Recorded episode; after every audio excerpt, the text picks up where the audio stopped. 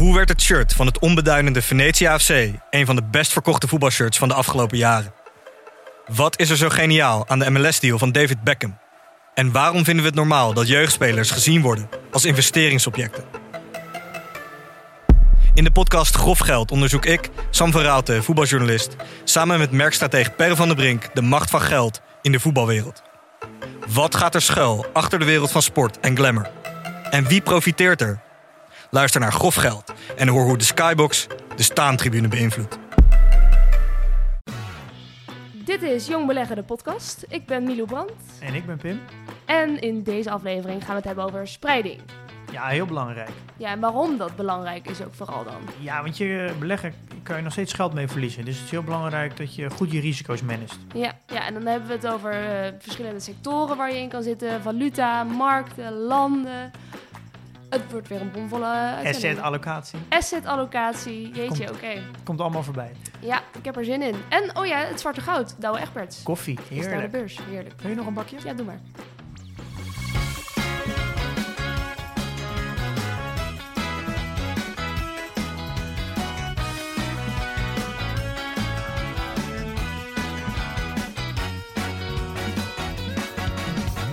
Uh, hoe was je week, Pim? Ja, goed. Ja, nee, ja, ik heb een hele goede week gehad.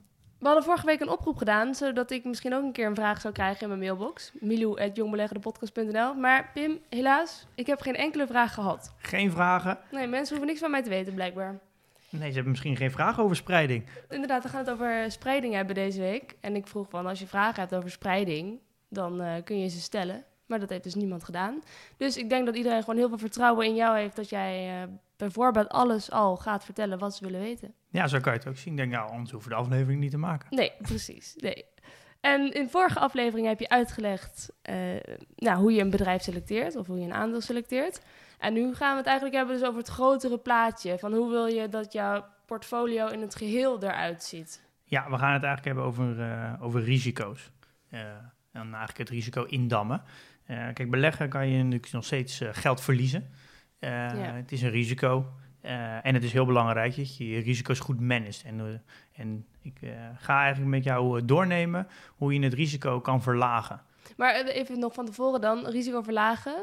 Dan denk ik dus, dan heb je minder kans om geld te verliezen. Heb je dan ook minder kans om geld te winnen?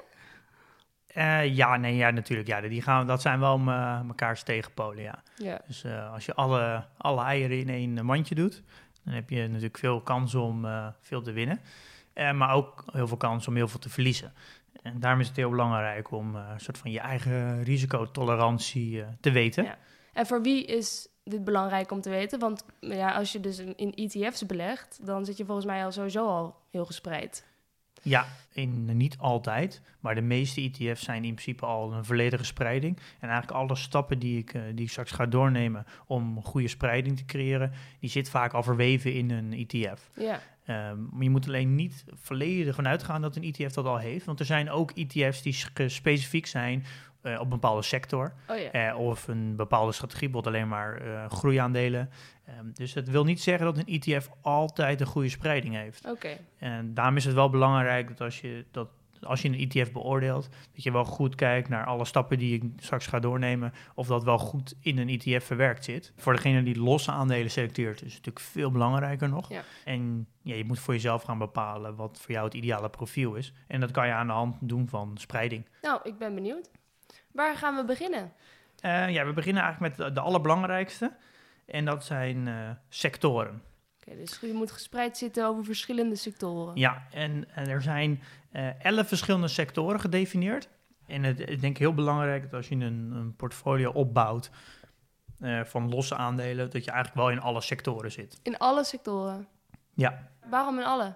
Uh, nou ja, dan heb je de, de beste spreiding. En elk, elke sector heeft natuurlijk een beetje zijn voor's en zijn tegens. En vaak sommige sectoren zijn meer complementair aan elkaar. En je kan natuurlijk ook zelf weer bepalen hoeveel procent ga je dan per sector doen.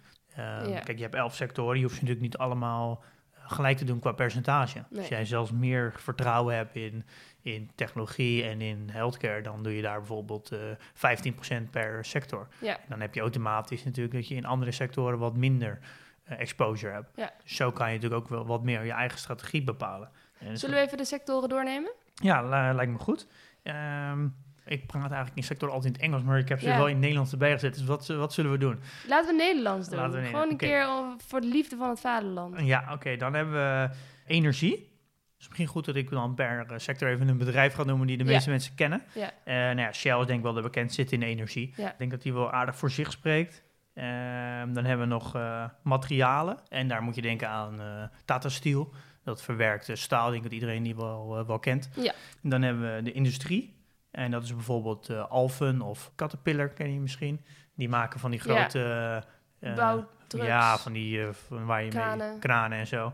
Eh, Spullen die je nodig hebt om te bouwen. je kent ze wel van de gele, Machines. de gele machines. Ja. Ehm, met kat erop. ja, precies. Ja. Dan hebben we de cyclische consumptiegoederen. Nou, dan moeten we denken Mhm. aan, eh, aan automerken zoals Daimler. Dat is van eh, Mercedes. Eh, en eh, H&M, dus kleding. Waarom je dan specifiek Daimler? Daimler is een eh, heel groot automerk uit Duitsland. Oh, precies. Oh, ik denk dat ik de baas van Mercedes ja zeg maar. Mercedes is niet beursgenoteerd. Nee, eh, precies. maar onder Daimler vallen heel veel merken. Dus en waarom heet dat cyclisch? Het heeft een, een cyclisch verloop. Dus het is, je schaft het niet elke dag aan of elke week, maar er zit een, een verloop in wanneer je dat. Ze Ja. noemen dat ook wel de luxere goederen. Het zijn dingen die je dus niet elke week aan, aanschaft. Het gaat een tijdje mee en dan moet je weer iets nieuws. Ja, er zijn namelijk twee categorieën van eh, consumentengoederen. En eentje is dan de meer cyclische en de andere is de defensieve. En Mhm. dat is eigenlijk gelijk ook de volgende categorie. En de grote verschil is daarin is dat de, de interval wanneer je het koopt. Ja. En bijvoorbeeld de defensieve consumptiegoederen, dat is dan de Ja. volgende sector. En daar zit Ahold Delhaize en Unilever. Albert Heijn. Ja, de Albert Heijn, de Appie. Ja. Dus de dingen die je wel elke dag nodig zou kunnen hebben. En daar, zit eigenlijk, daar hebben ze een onderscheid in gemaakt, omdat namelijk in, in moeilijkere tijden, dan laat je eerder de, de luxere goederen liggen. Eh, dus je gaat niet in moeilijke tijden een auto kopen. Oké, Dus stel je ook iets meer je kleding kopen uit. ja. En daar zit eigenlijk de onderscheid in. Daarmee bedoelen ze dus eigenlijk minder risicovol. Dit blijven mensen het wel nodig hebben. Ja. Het zijn eigenlijk dingen die je, die je constant koopt en die Ja. heb je eigenlijk no- altijd nodig. Ja. Maar daardoor ook uh, ja, zal het minder snel pieken. Oké, Ehm, ja. En dan hebben we de volgende is gezondheidszorg. En nou, dat zijn eigenlijk alle grote uh, farmaceutische bedrijven, dus de biotechnologie. Mhm. In Nederland hebben we dan uh, Galapagos, en Johnson Johnson, Pfizer. die zijn denk ik al in de afgelopen tijd veel in het nieuws geweest. Ja, dan die doen het wel goed volgens mij. uh. Die doen het in deze tijd heel erg goed. we hebben ze ook hard nodig voor een uh, vaccin. Ja. Um, daarna hebben we de financiële dienstverlening. Nou, die okay. spreekt ook wel heel erg voor zich. Dat hebben we natuurlijk de banken, ja. ING en Rabobank. En daar vallen ook wel verzekeraars onder. Dan hebben we de technologie. Uh, nou, dat spreekt ook heel erg voor zich. Dan hebben we Algen mm -hmm. uh, en bijvoorbeeld ASML. En daar vallen natuurlijk ook de, de, de, bedrijven onder die technologie leveren. Dus, en mensen leveren die technologie doen, dus de IT-bedrijven. Um, dan hebben we de communicatiediensten. Uh, dat is bijvoorbeeld KPN. Nou, de Vodafone, T-Mobile, weet je, die uh, van die vallen daar allemaal onder. Dan hebben we de nutsbedrijven. Nou, die hebben we in Nederland niet uh, beursgenoteerd. In Amerika heb je dan Duke Energy Corps. Maar wat is het verschil dan met de sector energie? Een nutsbedrijf is degene die het faciliteert oh, ja. uh, om, om bijvoorbeeld water uh, thuis te hebben, om stroom thuis te krijgen. Dus die zorgt het, het netwerk ah, ja. van water. Hij produceert geen energie, maar hij... Ja, klopt. Ja. En dat is wel een groot verschil. En in Nederland zijn heel veel van zulke soort bedrijven gewoon semi-staat. Dus bijvoorbeeld de NS, en dan hebben we natuurlijk het waternet. En dat zijn allemaal al halve staatsbedrijven. Mm -hmm. Uh, en dat werkt anders in, in Amerika en op heel veel andere plekken in de wereld. Daar is dat gewoon commercieel. Maar ja, wat voor crisis er ook is, mensen blijven nog steeds stroom gebruiken, nog steeds water nodig. Uh, dus dat zijn bedrijven die heel stabiel zijn. Ja. En daarna de volgende, dat is ook gelijk de laatste, dat is vastgoed. Nou, dat is Wereldhaven en Unibail Rodamco Westfield. Uh, dat zijn eigenlijk twee uh, grote vastgoedbedrijven in, uh, in Nederland, of in ieder geval beursgenoteerd in Nederland. En die doen vooral winkelcentra. En die verhuren dat ja, per soort van unit en zorgen dan ook dat die hele winkelcentra aangekleed is en dat er events zijn. Ja, oké. Okay. ja, vooral in Nederland hebben we vooral win winkelcentra als vastgoed. Maar we hebben ook huizen, toch? Of dat telt dan niet meer? Uh, ja, maar huizen die worden, die zijn eigenlijk niet echt op de beurs. En dan zit je veel meer juist in corporaties, woningcorporaties. Het is niet op de beurs verhandelbaar. Kijk, dit is in Amerika heel anders. In Amerika kan je eigenlijk is alles op de beurs te brengen. Ja. En in Nederland eh, iets, ja, wel hebben veel meer bedrijven die gereguleerd zijn. Ja. Dus veel de socialere stukken, eh, die zijn veel meer gereguleerd hier. En dus ook niet beursgenoteerd. Ja, zo'n vrije markt hebben we dus eigenlijk helemaal niet, hoor ik nu. Nou ja, we hebben de, de meer de, de, denk de, de wat, ja, misschien wel e- wat dichter tegen je eerste levensbehoefte aan zit. Die hebben we hier iets meer gereguleerd. Ja. Misschien ook niet zo slecht. En dit zijn dus de sectoren waar je nou ja, je aandelen over zou moeten spreiden. Allemaal bij voorkeur. Zie je nou dat de ene sector het ook beter doet dan de andere? Wel zei je al kort al dat die gezondheidszorgsector nu nou, wel lekker gaat. Welke doen het nog meer goed? Eh, ja, nee, ja, absoluut. Het is, eh, ik denk, misschien om even, ja, een sector doet het niet specifiek altijd goed of slecht. Eh, het heeft ook te maken met de tijd. Eh, nu zitten we in een eh, hele specifieke crisis. En daardoor ja, ga je dat, dat zie je gelijk terug in, in de sectoren. We leunen nu heel erg op de gezondheidszorg. Eh, elk bedrijf in de gezondheidszorg is nu bezig om een vaccin te, te maken. En iedereen hoopt dat, er een, dat, dat ze de winnaar kiezen die het Ja. vaccin maakt. Ja. Ehm, en technologie doet het en, technologie goed. doet het heel erg goed. Kijk, we zitten in een lockdown, dus daar automatisch... Bijvoorbeeld vastgoedwinkelcentra, ja, daar, we mogen niet meer... Ja. Ja. we mogen ons niet meer verplaatsen. Dus dan gaat automatisch de, de vastgoed naar beneden. Nee, precies. Maar dus je zegt eigenlijk dus in een andere crisis zou het er heel anders uit kunnen zien welke sector het goed doet. Ja, we hebben nog de kredietcrisis gehad, waardoor vooral banken eh, eh, heel hard geraakt zijn. Eh, dus zo heb je wel... Elke crisis is weer heel specifiek. Ik denk een beetje met een crisis is dat... eh, dan raken mensen in paniek. En als mensen in paniek raken, dan gaan mensen vaak hele onlogische keuzes maken, domme keuzes Ja. vaak. Gaan uit emotie handelen. Kat in het nauw. Ja, dus er worden heel veel geld wordt uit de markt gehaald. Dus je ziet eigenlijk dat uiteindelijk gaat alles naar beneden. Mensen raken in paniek. En dan, je- ja, als alles naar beneden gaat, dan verlies je je onderpand. Dan moet je nog meer verkopen. En dat is een soort van kettingreactie. Ja. Dan wordt het allemaal weer een beetje rustig. En wat er dan gebeurt, dan gaan ze in één keer zeggen... hé, hey, technologie is eigenlijk helemaal niet geraakt. De gezondheidszorg is ook niet geraakt. Hm. En dan, en dan zie je, nou, de, de eh, vastgoed is wel erg geraakt. En dan zie je in één Ja. keer verschuiving. Dan rent iedereen weer naar de, de sectoren waar, waar, eigenlijk geen, waar eigenlijk bijna geen pijn zit. ja. Eh, en dan wordt het, wordt het in één keer heel scheef. Misschien een stomme vraag, maar wie schuld is dit dan eigenlijk? Want jij zegt altijd, ja, je moet geen emotie hebben bij op de beurs zitten en je moet geen, niet handelen uit paniek, dat zeker niet. Is er dan een groepje, nou een vrij grote groep die het nu aan het verpesten is dan, elke keer bij een crisis, dat zij wel in paniek raken en weg gaan rennen? Uiteindelijk maakt het natuurlijk niet uit. Ik denk dat het alleen maar gunstig is voor heel veel mensen. Want als alles naar beneden gaat en jij blijft zitten, dan kan je alleen maar goedkoper bijkopen. Ja, Ehm, maar het, het financiële stelsel zit natuurlijk heel raar in elkaar. Eh, uiteindelijk is het, eh, geld wordt weer gedekt met ander geld en eh, je hebt dan weer een onderpand voor nodig. Dus als er ergens in een keten het vertrouwen weg hebt, eh, dat, je het, dat iemand het niet meer zou kunnen terugbetalen, Mhm. dan wil die snel zijn geld terug hebben. Eh, en dan op een gegeven moment ja, gaat iedereen verkopen. Want als het eenmaal eh, naar beneden valt, dan wil iedereen eruit stappen. ja. Ja, het is een soort van heel keten, daarom is het heel fragiel. En dat zie je ook nu wel heel erg, dat eh, heel veel centrale banken en overheden nu als een gek geld aan toestoppen zijn. En dat is wel heel anders geweest met de andere crisissen. Daar hebben ze Ja. veel te lang gewacht. ja. En ze zijn nu heel snel een soort van gaan stutten, waardoor het vertrouwen weer langzaam een beetje terugkomt. ja. Ik denk dat we daar ook nu ook in een hele gekke periode zitten. Dat vergeleken met alle andere crisissen duurde het herstel vaak toch wel een jaar tot anderhalf jaar minimaal. En het is nu echt in een paar maanden al. We zijn nu al aan het herstellen, zeg je. Ja, heel erg. Ja. En het is eigenlijk nog nooit eerder zo'n extreem herstel geweest. Waar zie je dat dan aan? We zijn gewoon weer heel snel omhoog gegaan. De koersen. Ja. eh, Maar is dat er niet een beetje te mooi om waar te zijn? Want Ik bedoel, sommige mensen zeggen ook dat er zeker weet een tweede correctie komt. Ja, nou ja, ik heb geen idee.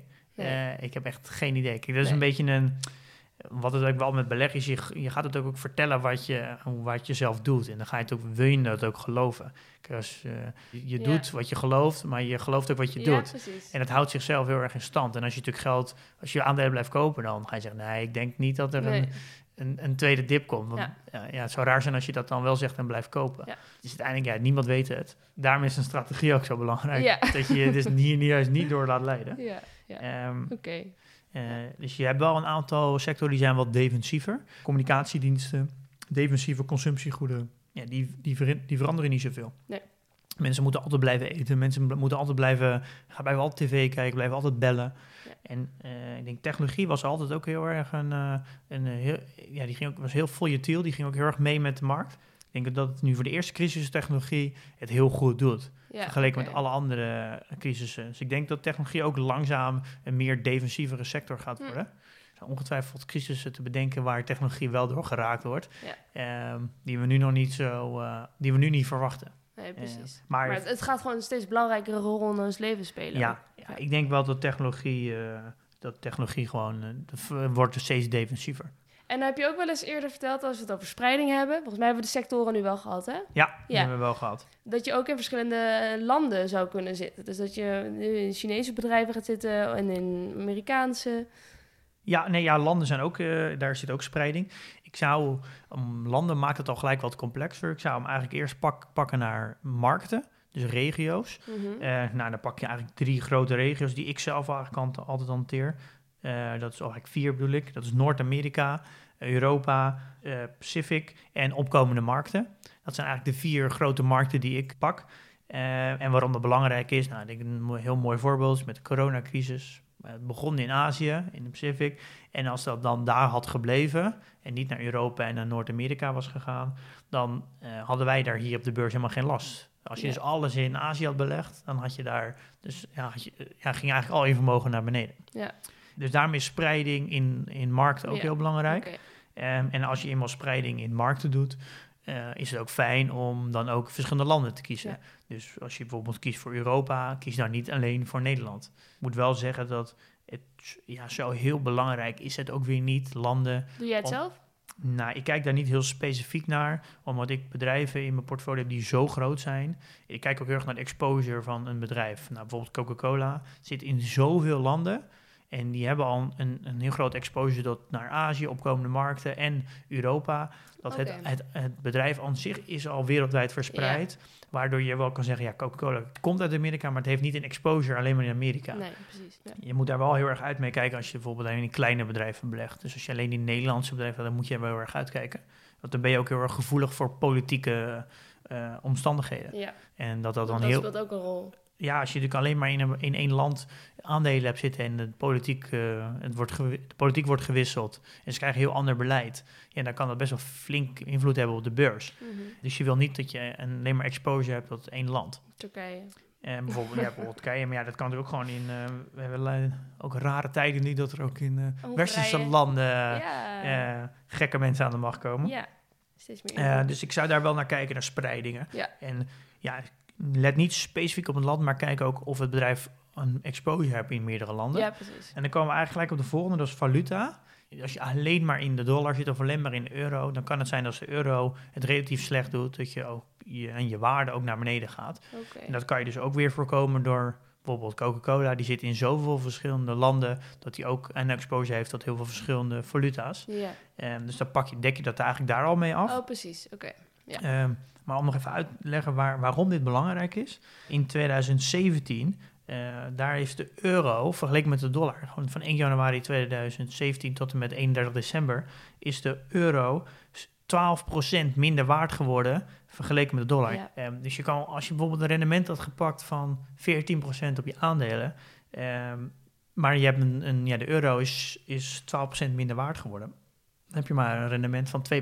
Ja. Dus je moet daar wel heel erg op letten dat Oké. valuta-koers kan ook best wel inv- veel invloed hebben op je rendement. Ja, nou goed om te weten. En ja, die, soms die schommelingen maken natuurlijk heel, niet heel veel uit als je het niet verkoopt. Maar dat, ja, uiteindelijk gaat dat op lange termijn wel. Als het, als het echt een negatieve trend is, dat de euro vergeleken met de dollar echt veel minder waard wordt. Ja, dan, eh, dan ga je daar uiteindelijk wel een probleem mee krijgen. Dan Ja. koop je dus bijvoorbeeld nu eh, voor 90 cent koop je nu een, eh, een, een dollar. Maar als je, als je zegt dat je 10 jaar houdt in een dollar, wordt meer waard vergeleken met de euro. Dan kan je later nog maar voor 1 dollar krijg je bijvoorbeeld maar 70 cent terug. Ja. Ja, dan is het best wel een, eh, gaat je rendement gigantisch naar beneden. Ja. Kan je het nog steeds zo goed gedaan hebben op de beurs. Nee, dus beter ook daar spreiden. Ja, dan eh, pak dan de dollar, de yen en de pond en de euro natuurlijk. Oké. En je hoeft niet letterlijk in de yen of de pond te zitten, maar je kan ook naar in bedrijven zitten die een exposure hebben Ja.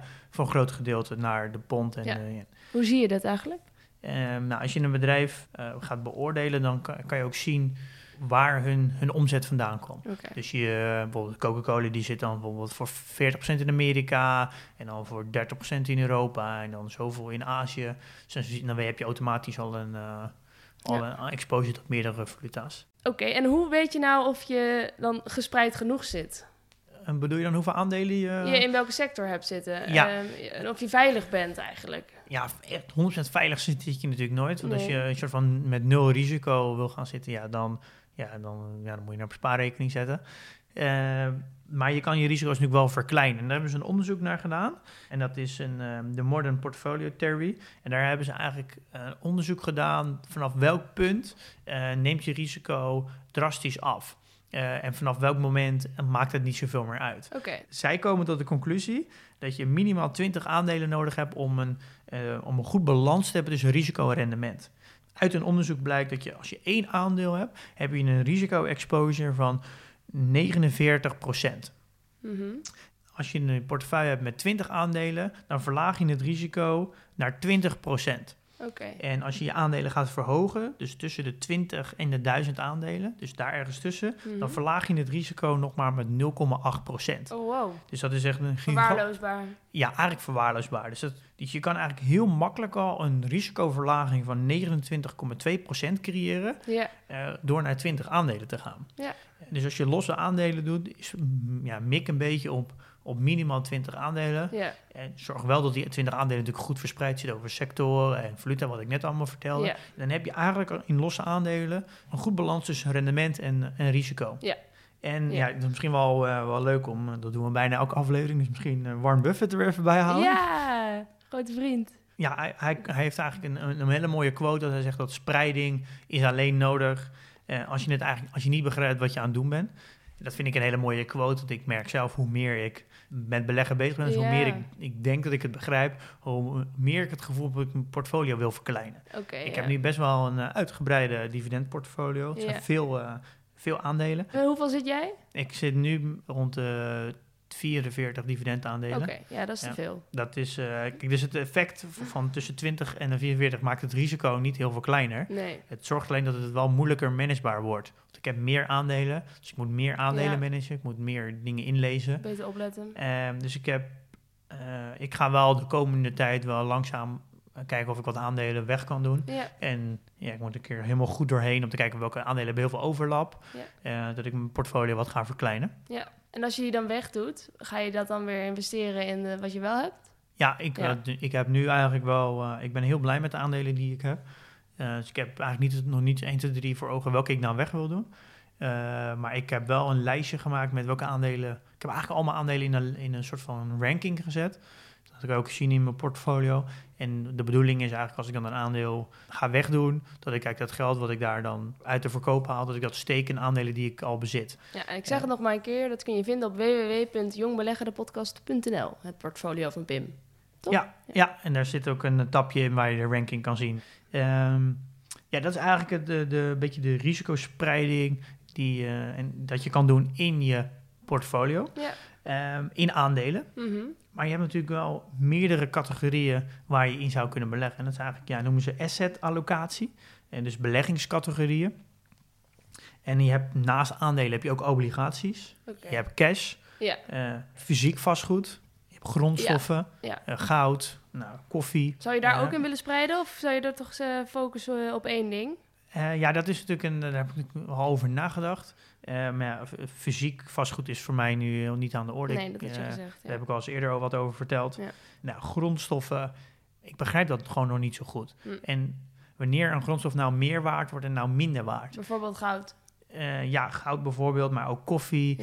En eh, nou ja, elke soort grondstof. eh, je hebt ook gewoon graan, maar je hebt ook weer andere metalen die je uit de grond kan halen. Ja.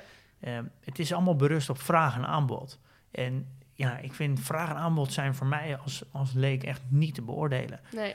Want opeens is er weer een nieuwe bron gevonden en dan is er opeens weer meer aanbod. ja, maar de, de, als er een belegging op vraag en aanbod is gebaseerd, dan zijn er gewoon heel veel partijen zo groot en invloedrijk, die kunnen heel erg de vraag stimuleren. Dus als je een hele grote afnemer bent, dan kan je natuurlijk heel erg bepalen. hè. Dus je hebt heel veel invloed Mhm.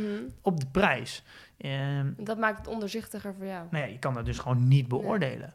Nou, dat is eigenlijk regel nummer één met beleggen. Je moet alleen beleggen in dingen die je snapt. Ja, Eh, en daarom valt het voor mij eigenlijk af. snap ik. Dat is eigenlijk, als ik ooit uit olie stap, dus uit de energiesector, dan is het om deze redenen. Dat zijn ook grondstoffen. Ja, want Shell, die is heel erg afhankelijk van de olieprijs. Ja.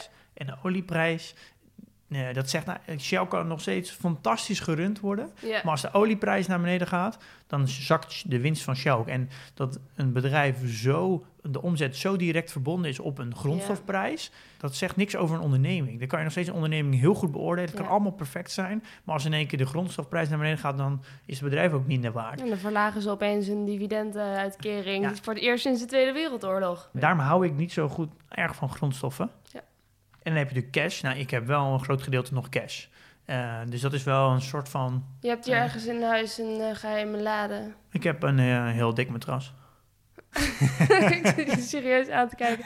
Nee, maar even, hoe voel ik het voor me zien? Cash. Eh, nou, ik heb gewoon op de bankrekening staan. Oh, precies. Ja, dus het, eh, kijk, mijn strategie is eigenlijk heel erg zo lang mogelijk in aandelen blijven zitten.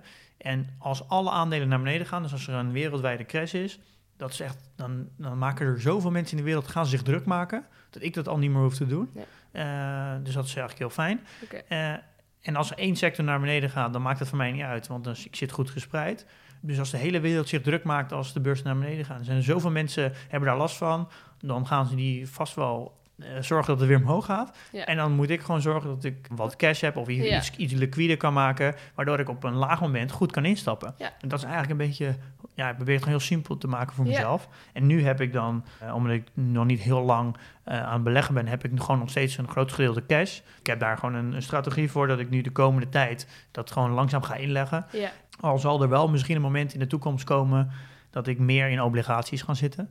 En obligaties, staatsobligaties, die zijn heel veilig. Je weet eigenlijk zeker dat, eh, dat die altijd wel uitbetaald worden als je in- de westerse landen gaat zitten. Oké, nou dan moet je later dan nog maar Daar komen we later nog wel een keer op terug.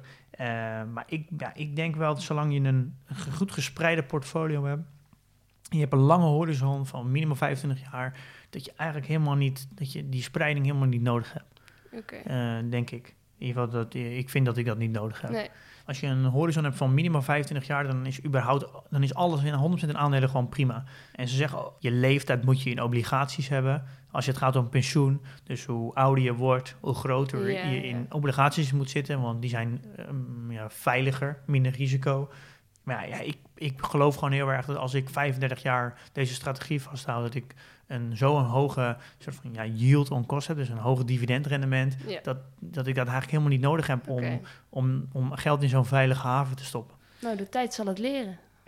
Ja, eh, ja en dan misschien de... Is het dan eh, tijd om naar het nieuws te gaan? Ja, laten we dat doen. Ik zag dus dat het, het zwarte goud ging de, ja, vorige week volgens mij naar de beurs. Ja dat, nou, dat kan volgens mij niemand ontgaan zijn. Nee, als je een beetje het nieuws volgt, dan moet je dat wel mee hebben gekregen. Ja, Wat weet jij van Douwe Egberts? ja Dow Egberts is natuurlijk een heel... eh, dat is wel grappig. Het heet eigenlijk eh, JDE Beats. Oh, dat heb ik nog nooit van Het is een verschrikkelijk slechte naam. Ja. Eh, maar dat is eigenlijk de, de naam die boven Dow Egberts zit. Net zoals Daimler Mercedes heeft. Ja, ze, zijn ook, ze hebben natuurlijk ook het merk eh, Pickwick. Dat kent, kent ook iedereen denk Oké, ik wel. hebben zij dat ook, ja. Ja. Eh, dus er wordt heel erg over Dow Egberts gesproken. Maar Ja. het is eigenlijk het bedrijf daarboven. Dus als je nu gaat kijken om het aandeel te kopen en je ziet Douwe Egberts nergens staan. Nee, dan moet je dus JDE Beats. Ja. Ja, ze zijn naar de beurs gegaan. Ze zijn natuurlijk al, eh, al nou, ik weet niet precies hoe lang geleden, 7, 8 jaar geleden volgens mij, zijn ze van de beurs gehaald. Oh, maar ja, ik dacht, want er was eerder iets gebeurd. Ik dacht, zijn ze een keer eerder naar de beurs gegaan en dat ging toch mis of zo? Maar... Ja, ze zijn, ze zijn er inderdaad van afgehaald. Ik, dat, ja, was ik zelf nog niet actief, maar ik heb Nee. inderdaad gelezen dat ze eraf zijn gegaan. En ze hebben eigenlijk best wel een, eh, een succesvolle beursgang gehad. Dus altijd bij een beursgang is altijd een beetje de, de vraag hoe gaat het uitpakken. Eh ja, nou, kan, kunnen we weer een hele aflevering over vullen. Hoe gaat een IPO? Dus dat is een eh, initial public offering. Dus dat dan is als je naar de beurs gaat. ja, dat, dan, wat er eigenlijk dan gebeurt is dat je een, je wil een, een x percentage van je aandelen wil je, wil je verkopen. Die ga je aanbieden. En dat doe je tegen een waardering. Dan help je, ga je naar banken toe, die helpen jou om een bedrijf te waarderen. Eh. En dan ga je eigenlijk naar, naar ja, grote beleggers toe. En dan bied je eigenlijk je aandelen aan. Mm.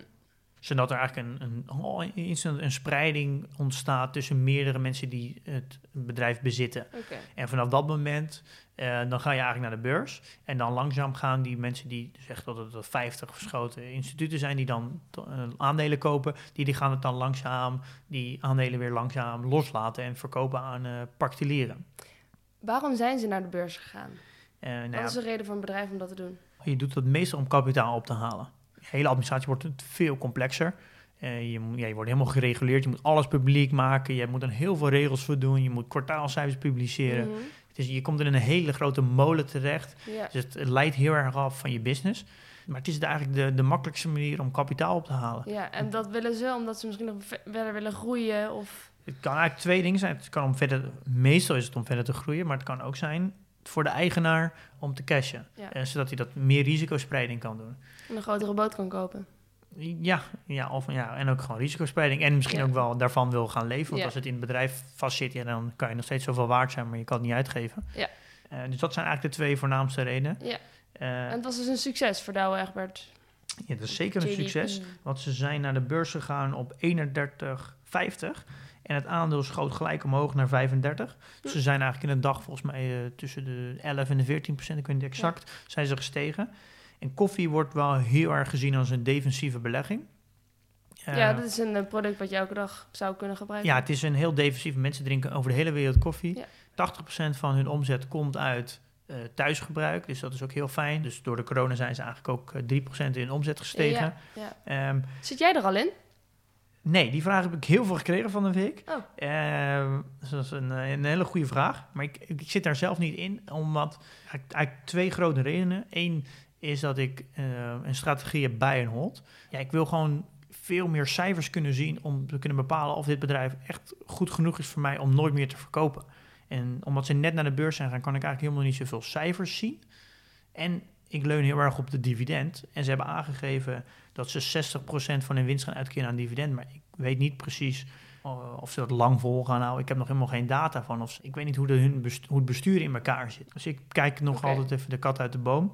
Eh, en het is ook wel het is bewezen dat de meeste bedrijven die na een, een IPO eh, de eerste twee jaar eh, eigenlijk niet zo goed doen. Dat heeft, ja, dat komt, misschien wordt het dan heel complex, maar ze gaan heel erg op korte termijn winsten zitten. Mhm. En als je dan bedrijf wat langer op de beurs zit, dan hebben ze bijvoorbeeld nog een beetje verborgen schulden. Of dat het, eh, dat er eigenlijk, dat het een beetje uitgeknepen is. En dan gaat er ergens op een moment in de toekomst, vaak een paar jaar, gaat, gaat ergens die pijn komen. En dan, en dan moeten ze dat weer herstellen en dan zakt het. En dan gaat het vaak weer omhoog. Oké. En dus ik ben, eh, ik, ja, ik, ik stap niet zo snel in, eh, in, in eigenlijk IPO's. Dus ik kijk het altijd even aan. Nou, wie weet eh, in de toekomst dus nog in jouw Eh, portfolio ja, wie weet. Ja, terug te ja maar ik, vind het wel leuk om te blijven eh, Ja. volgen. Nou, dan volgens mij zijn we wel toegekomen aan jouw portfolio om Ja. dat te bespreken. Je zei in het begin al dat je een eh, goede week hebt gehad. We Eh. zitten nu ook weer in het begin van een nieuwe maand. Misschien kunnen we ook even terugkijken op hoe mei is geweest. Ja, om even terug te kijken. Bij de AEX, eh, de Nederlandse beurs, die is in mei eh 7,31% gestegen. Zo. Eh, dus dat is best flink. Ja. Eh, helemaal als je kijkt dat het gemiddelde jaarrendement 7% is. Dus dan in de maand 7% omhoog gaat. ja. We komen natuurlijk wel flink uit een dal, maar toch. Ja, nou, ondanks Ehm. alles. Het is eigenlijk dat het toch best aardig gaat. Ja, 7% is toch best veel. Ja. Ehm, april gingen eigenlijk alle, alle bedrijven omhoog die, eh, die niet geraakt zijn door de corona. En in mei zijn eigenlijk alle achterblijvers omhoog gegaan. Oké. En dat zie, merk je heel groot verschil. Is dat de winsten worden een beetje genomen van de technologiebedrijven. Ja. En die worden dan gestopt in de bedrijven die achterbleven. Dus mei zie je vooral alle bedrijven die weer gaan profiteren als we de lockdown uitgaan. Dus alle fitnessbedrijven gingen omhoog, alle, alle vastgoedbedrijven gingen omhoog. Dus eigenlijk alle bedrijven, de, alles wat te maken heeft met, met travel, dus de airlines en zo. Dat gaat ook weer. Ja, dus je merkt dat eigenlijk ehm, alles wat, eh, wat achterbleef, dat gaat nu omhoog. Dat, Ja. daar staat, en ik denk dat dat de komende weken nog wel, eh, wel doorgaat. Maar Als, eh, strookt dat met de werkelijkheid, denk je? nou ja, de, de beurs loopt altijd voorop op de feiten. En als belegger heb je een lange horizon. Dus kijk, als een, uiteindelijk gaat bijvoorbeeld een basic fit, zo'n beursgenoteerd bedrijf, gaat uiteindelijk gewoon weer open. Ja, en als je een horizon hebt voor vijf jaar en je kan het nu voor eh 50% minder kopen. Nou ja, kijk, je, de, je, je hoogste rendementen maak je in de dip. Crisissen zijn eigenlijk, vooral voor een lange termijn belegger, eigenlijk gewoon ideaal. Het is alleen heel vervelend voor heel veel mensen die eh, als, je, als er een crisis komt en je, je vermogen wordt in één keer gehalveerd of met 30% naar beneden. En je moet het binnen een korte tijd eruit halen. Dus je Ja. moet het liquide maken. Ja, dan ben je gewoon in één keer 30% kwijt. Ja. En dan doet het wel pijn. Ja, Daarom is het zo belangrijk dat je alleen maar moet beleggen met geld wat je minimaal vijf jaar kan missen. ja, Dat is echt een heel belangrijk. ja. En als je het niet vijf jaar kan missen, dan moet je echt je risicoprofiel gaan aanpassen. Dan moet je echt meer in obligaties of langzaam al wat in cash gaan doen. Want ja, dat is gewoon de, de grootste fout die, eh, die je kan maken.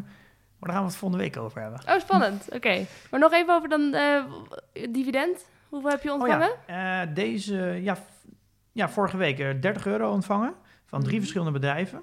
Dus die, dat kan je in mijn- portfolio zien. En ook op de website in de show notes leg ik uit van welke bedrijven dat zijn en, en hoeveel per bedrijf. Geen transacties gedaan. Mijn portfoliowaarde is 146.600. Dus dat is wel weer een flinke, flinke stijging vergeleken met, eh, met vorige week. Misschien in mei heb ik totaal eh, 234 euro ontvangen. Nou, dat was wel een stukje lager dan ik van tevoren had verwacht. Omdat ik een foutje had gemaakt dat ik een aantal bedrijven in mei had gezet... die eigenlijk een dividend gingen uitkeren in juni. Dus die heb ik nu eh, verplaatst in juni... waardoor de prognose eh, eh, iets hoger uitkwam dan daadwerkelijk. Ja. Maar die zijn dus nu opgeschoven naar juni. Oké. Eh, en ik verwacht in juni ongeveer zo'n eh, eh, ja, 550 euro te ontvangen aan dividend. Ja, Eh, zo. dus Ja. het zou een, een, wordt een goede maand. Ja. En ik denk dat het positief is dat er in, in, ju- in mei niks verlaagd is. Dus er zijn geen, ik heb geen Nee. dividendverlagingen gehad. Eh, dus daar ben ik eigenlijk hartstikke blij mee. Toch in deze onzekere tijden dat er geen enkel bedrijf in mijn portfolio nu dividend Ja. verlaagt. Dus daar, normaal wil ik natuurlijk een verhoging zien. Ja. Maar in deze tijden ben Mag ik wel blij met, een, eh, met geen verlaging. ja. Eh, dus ik ben eigenlijk ja, hartstikke tevreden over. De kleine dingetjes koesteren. Ja, en misschien ook nog wel leuk is om te zeggen, dat is voor mij een mooi momentje. Ik ben eigenlijk eh, eh, begonnen dat het vrij hard naar beneden ging. Ja. En ik ben nou eigenlijk voor het eerst wel flink in de plus gegaan. Oh. Dus dit is wel voor mij een, een heel mooi momentje. Champagne.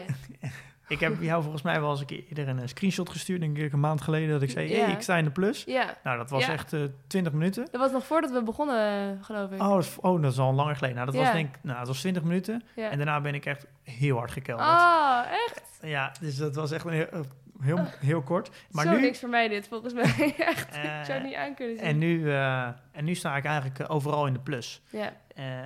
En in mijn portfolio kan je dat heel mooi zien dat er een eh, hele grote een taartdiagram is en die, die kleurt nou automatisch steeds geler als ik meer, meer winst heb. Ja, dus dat is voor mij eigenlijk een, eh, een heel mooi moment dat ik nu, eh, Ja. ja. dat ik nu gewoon overal gezien in de plus sta. ja. Dus daar ben ik natuurlijk heel blij mee. ja, je begint er ook een beetje van te stralen. Maar ik dacht dat je juist niet emotioneel mocht worden, Pim. Dus Oh, nee, horses, nee, maar het is, het is een. waar ik zelf eigenlijk heel trots op ben, is dat ik eh, ben begonnen en ik ben eigenlijk gelijk de, de min in gegaan. Ik heb eigenlijk eer- mijn portfolio gewoon bijna niet in het groen gezien. nee. Eh, en ik heb zelfs op het moment staan, heb ik op min 32.000 euro gestaan. En dat ik dat, ja, dat ik daar eigenlijk geen last van had. En dat ik daar, ik heb het gewoon langzaam zien groeien ja, weer. heeft zich uitbetaald. En nu, ja, dat is Je zo'n, zo'n, gewoon zo'n mooi momentje dat je dan Ja, voor het eerst groene cijfers ziet. ja, Ja, dat, eh, dat ja, ben ik eigenlijk toch wel een beetje trots op mezelf. Dat, ik, Ja. daar, dat ik dus die, die emotionele schommeling heb overwonnen. En dat het me eigenlijk niet zoveel doet. En dat geeft Snap me ik. heel veel vertrouwen dat ik de komende 35 jaar gewoon, gewoon goed kan beleggen. Ja. Omdat ik dus nu heb laten, nu aan mezelf heb laten zien dat ik me dus niet gek laat maken ja. als er een crisis komt. Het is eigenlijk een soort, je kan het misschien vergelijken met de eh, seizoenen. Je hebt een lange winter gehad, het was heel koud, sneeuwstormen. Het werd alleen maar erger leek het. Maar je hebt gedacht, nou ooit, ooit komt de lente. Gaan de vogeltjes weer buiten vliegen, wordt- loopt de temperatuur op. En dat is gebeurd. Ja, nou ja, wel mooi. Ik, ik zie nu de eerste lente staan. Ja, ja, ja. Mooi metafoor. prachtig. Ja. Doet me deugd. Laten we naar de reviews gaan. ja, laten we dat doen. We hebben weer heel veel leuke reviews En ontvangen. dan eigenlijk ook, vooral eh, weer met veel vragen. Ja, veel vragen. Ja, ja, Ja, altijd ja. heel leuk.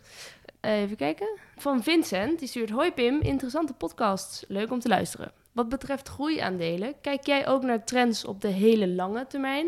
Zoals bijvoorbeeld waterstof, zonne-energie, renewable energy, kweekvlees. Dus ontwikkelingen die misschien nu nog in de kinderschoenen staan, maar over 20 jaar huge kunnen zijn. Leuk om hierover van gedachten te wisselen. Goed, Vincent. Ja, oh, ja, een hele mooie vraag. Ik vind het heel leuk dat hij goed naar de podcast geluisterd, daar een hele slimme vraag op gesteld. Ik heb daar natuurlijk wel naar gekeken. Ik was ook erg aan het zoeken op het begin van wat ga ik nou, eh, wat is precies mijn strategie? En ik, kom, ja, ik vind eigenlijk de, de, de sectoren waar je wel denkt, nou dat gaat in de toekomst wel groot worden, maar die nog heel ver weg liggen. Je kan niet zo heel goed één aandeel specifiek beoordelen. Je weet uiteindelijk dat die sector wel omhoog gaat, maar wie dat nou precies gaat zijn, welk bedrijf, daar kan je eigenlijk nog niks van zeggen om, Mm. Omdat die bedrijven nog in een zo vroeg stadium zitten om goed te kunnen beoordelen. Ehm, dus eigenlijk wat ik zou gaan doen, als ik voor een sector zou gaan die ik denk, nou die gaat sowieso groot worden, dan zou ik op alle bedrijven wedden. Eh, dus dan zou ik een ETF nemen die bijvoorbeeld alle waterstofbedrijven pakt, of alle kweekvlees. Want dan weet je zeker dat je de, de winnaars te pakken hebt. Ehm, maar ga je naar sectoren die al wat verder zijn, ik denk dat zonne-energie, eh, dat dat al een sector is die wel zich bewezen heeft. Vergeleken met kweekvlees is het nog vrij nieuw en waterstof ook. Bij zonne-energie zou je wel bedrijven kunnen pakken die al veel verder zijn en die kan je wel goed beoordelen. Je kan daar de winnaars ondertussen wel uitpikken. Dat zijn best, kan je best wel aandelen pakken die tussen de twee en de vijf jaar passen. ja, precies. Dus kort samengevat, lange termijn kies voor alle bedrijven in een ETF. Korte termijn, dus twee tot drie jaar kies veel meer individuele bedrijven. Ja. Dat is een beetje mijn eh, strategie. Oké, duidelijk. Ehm, dan de volgende. Hoi Pim en Milou. Jullie podcast over beleggen is erg leuk en interessant. Dankjewel, Willemijn. Eh, zelf als jonge ondernemer denk ik geregeld na over mijn pensioenopbouw. In de podcast liet Pim weten dat hij met het beleggen zijn pensioen wil aanvullen. Nu vroeg ik mij dus af of jij, Pim, belegt via een pensioenrekening of via een privérekening. Ja, ik heb veel vragen over een pensioen gehad, eh, denk de afgelopen zes weken. Ik doe het niet via een pensioenrekening. Er zijn wel voordelen als je het via een specifieke pensioenrekening doet. Het, je kan ten eerste bruto beleggen. Nou, dat scheelt natuurlijk in plaats van netto. Eh, er zit alleen één groot nadeel aan. Ehm, je kan het geld er pas uithalen als je met pensioen gaat. Dan moet ik me houden aan de pensioenleeftijd van de overheid. En dan kan ik vanaf dat moment voor dat, kan ik dat geld eruit halen tegen een, een, een belastingtarief voor gepensioneerden. En dat is veel lager qua loonbelasting. Dus dat is heel erg het voordeel. En het telt ook niet mee met, met je vermogen. Maar je kan ook nooit eerder met pensioen. Nee. Of moet je een boete betalen. Dus ik, doe, ik heb daarvoor gekozen om het niet te doen. Misschien ga ik dat wel een klein beetje erbij doen voor een, een klein percentage. Maar ik doe alles via een privé, omdat ik graag eerder met pensioen zou willen. Ja. Eh, en dan, eh, ja, dat is eigenlijk de reden. Oh, goede vraag. Is dat misschien ook nog iets om in de toekomst eh, over te hebben, hè, met belasting? Ja, ik, wil ook, ik denk dat ik nog graag een aparte aflevering wil maken over pensioenbeleggen. Ja. Want daar heb je ook heel veel eh, kleuren in. En dus daar denk ik dat we daar ook wel een keer een, eh, een goede aflevering over kunnen maken. Klinkt goed. Ehm, volgende aflevering. Je hebt het al kort gezegd, maar vat het nog even samen. Wat gaan we doen? Ehm, ja, waarom verliezen beleggers geld? Waarom ze geld verliezen? Ja, we- ja waarom verliezen ze eigenlijk geld? Ja, daar ga ik al wel eens over nadenken. Tot volgende week. Tot volgende week. Doei!